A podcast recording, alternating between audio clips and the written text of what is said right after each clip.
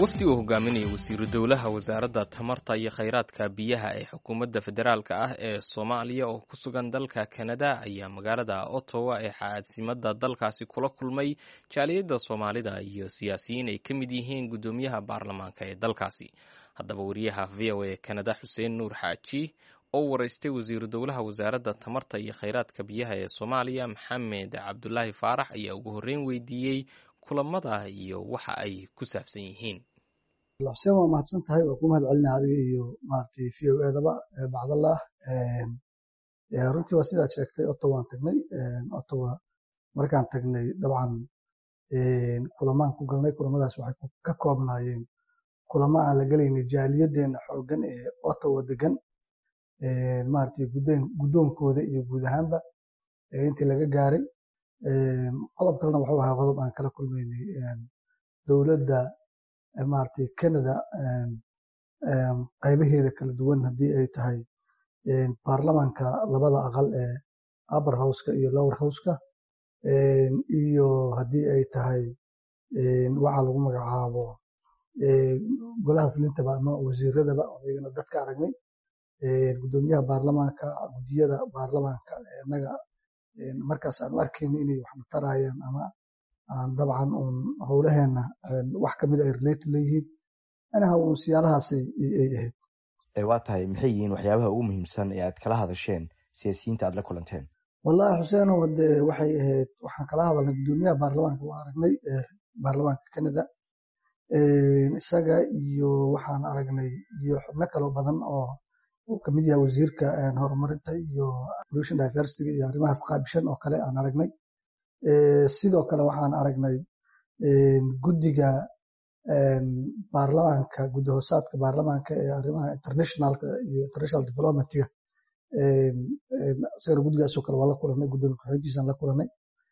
Sidoo kale waxaan la kulanay guddiga qaabishan arrimaha internationalka isagana gaar ahaan waaxda africa qaabishan ee baarlamaanka iyagana waa aan la kulanay maaragtay guddoomiyaha ku-xigeenka guddi hoosaadkaas aan isagana aragnay. Sidoo kale waxaan aragnay xildhibaano iyo wasiiro kale oo iyaguna muhiim noo ahaa. Dhammaanna waxaan kala hadlayna dhowr qodob. Qodobkood wuxuu ahaa sidii maadaama dalkan uu yahay dal horumaray developed countries waddamada la yiraahdo ka mid ah dowladaha africana ay yihiin dowlado maaragtay dib dhacsan ayagana ay dabcan wax ka qabtaan afrikaankaas. Ka inaga soomaali ahaan qaybtii nooga aadaneed oo aan dhaliishanahay xoogaa inaan sidii loo baahnaa is involved noogu ahayn inay noo soo jeestaan oo involved nagu noqdaan oo dalkeenna oo ah dal maaragtay curdan oo hadda firaaqii dhexe kadib si fiican u soo kabanayo inay maaragtay naga garab istaagaan qaybaha bulshada adeega bulshada gaar ahaan korontada iyo biyaha iyo waxbarashada iyo caafimaadka iyo kaabayaasha dhaqaalaha iyo inay naga garab istaagaan. Sidoo kalena capacity buildingka waxa la yiraahdo iyo waxbarashadoo kale. Xuseeno waxaa xusid mudan waxbarashay bixiyaan dalkan canada afrikaanka waxbarashay siiyaan iyo aasiyaanka xitaa iyo dad badan oo kale. Dowladda kenya inaga dariska nala waxaa laii sheegay shan kun oo arday inay kaga faa'iideysteen scholarship la siiyey halka inagana lix arday ay ka faa'iideysatay jaaliyadda ii sheegtay warkaas.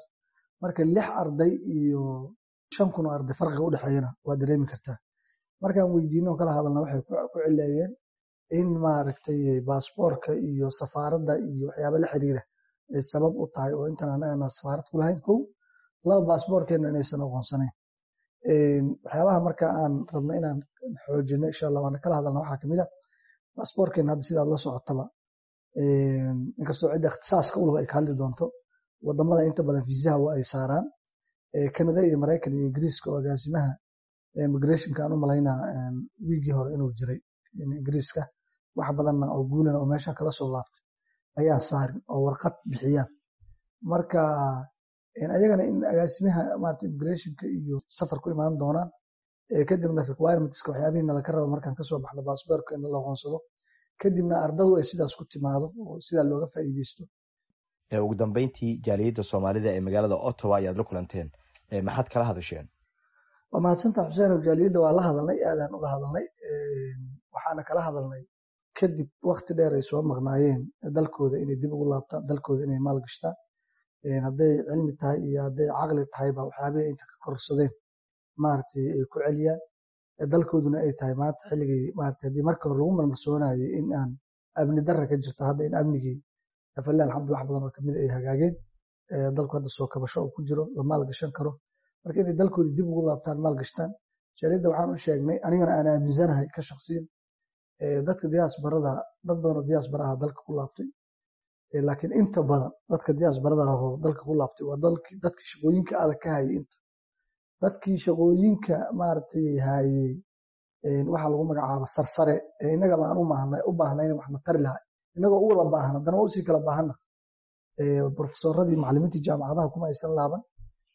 Sharci yaqaanadii kuma aysan laaban intay ka shaqeeyaan injineeradii iyo dhakhaatiirtii wadankan markay yimideen wax ka bartay kuma aysan laaban. Geologiga iyo dadkiiba adigu dadkii tacliinta u inta badan kuma aysan laaban dadka noocaas marka inay laabtaan cilmigooda geeyaan caqligooda ay geeyaan skillska halkan ka faa'iidaysteen iyo experiencegooda ay geeyaan aan kala hadalnay kuwa shaqaysto lacagta haystana dalkooda inay maalgashtaan aan kala hadalnay wax badan oo kamidana waa ay soo dhaweeyeen. Kaasi waxa uu ahaa wariyaha v o a xuseen nuur xaaji oo wareysanayay wasiir dowlaha wasaaradda tamarta iyo kheyraadka biyaha ee soomaaliya maxamed cabdulaahi faarax laanta afka soomaaliga ee v o a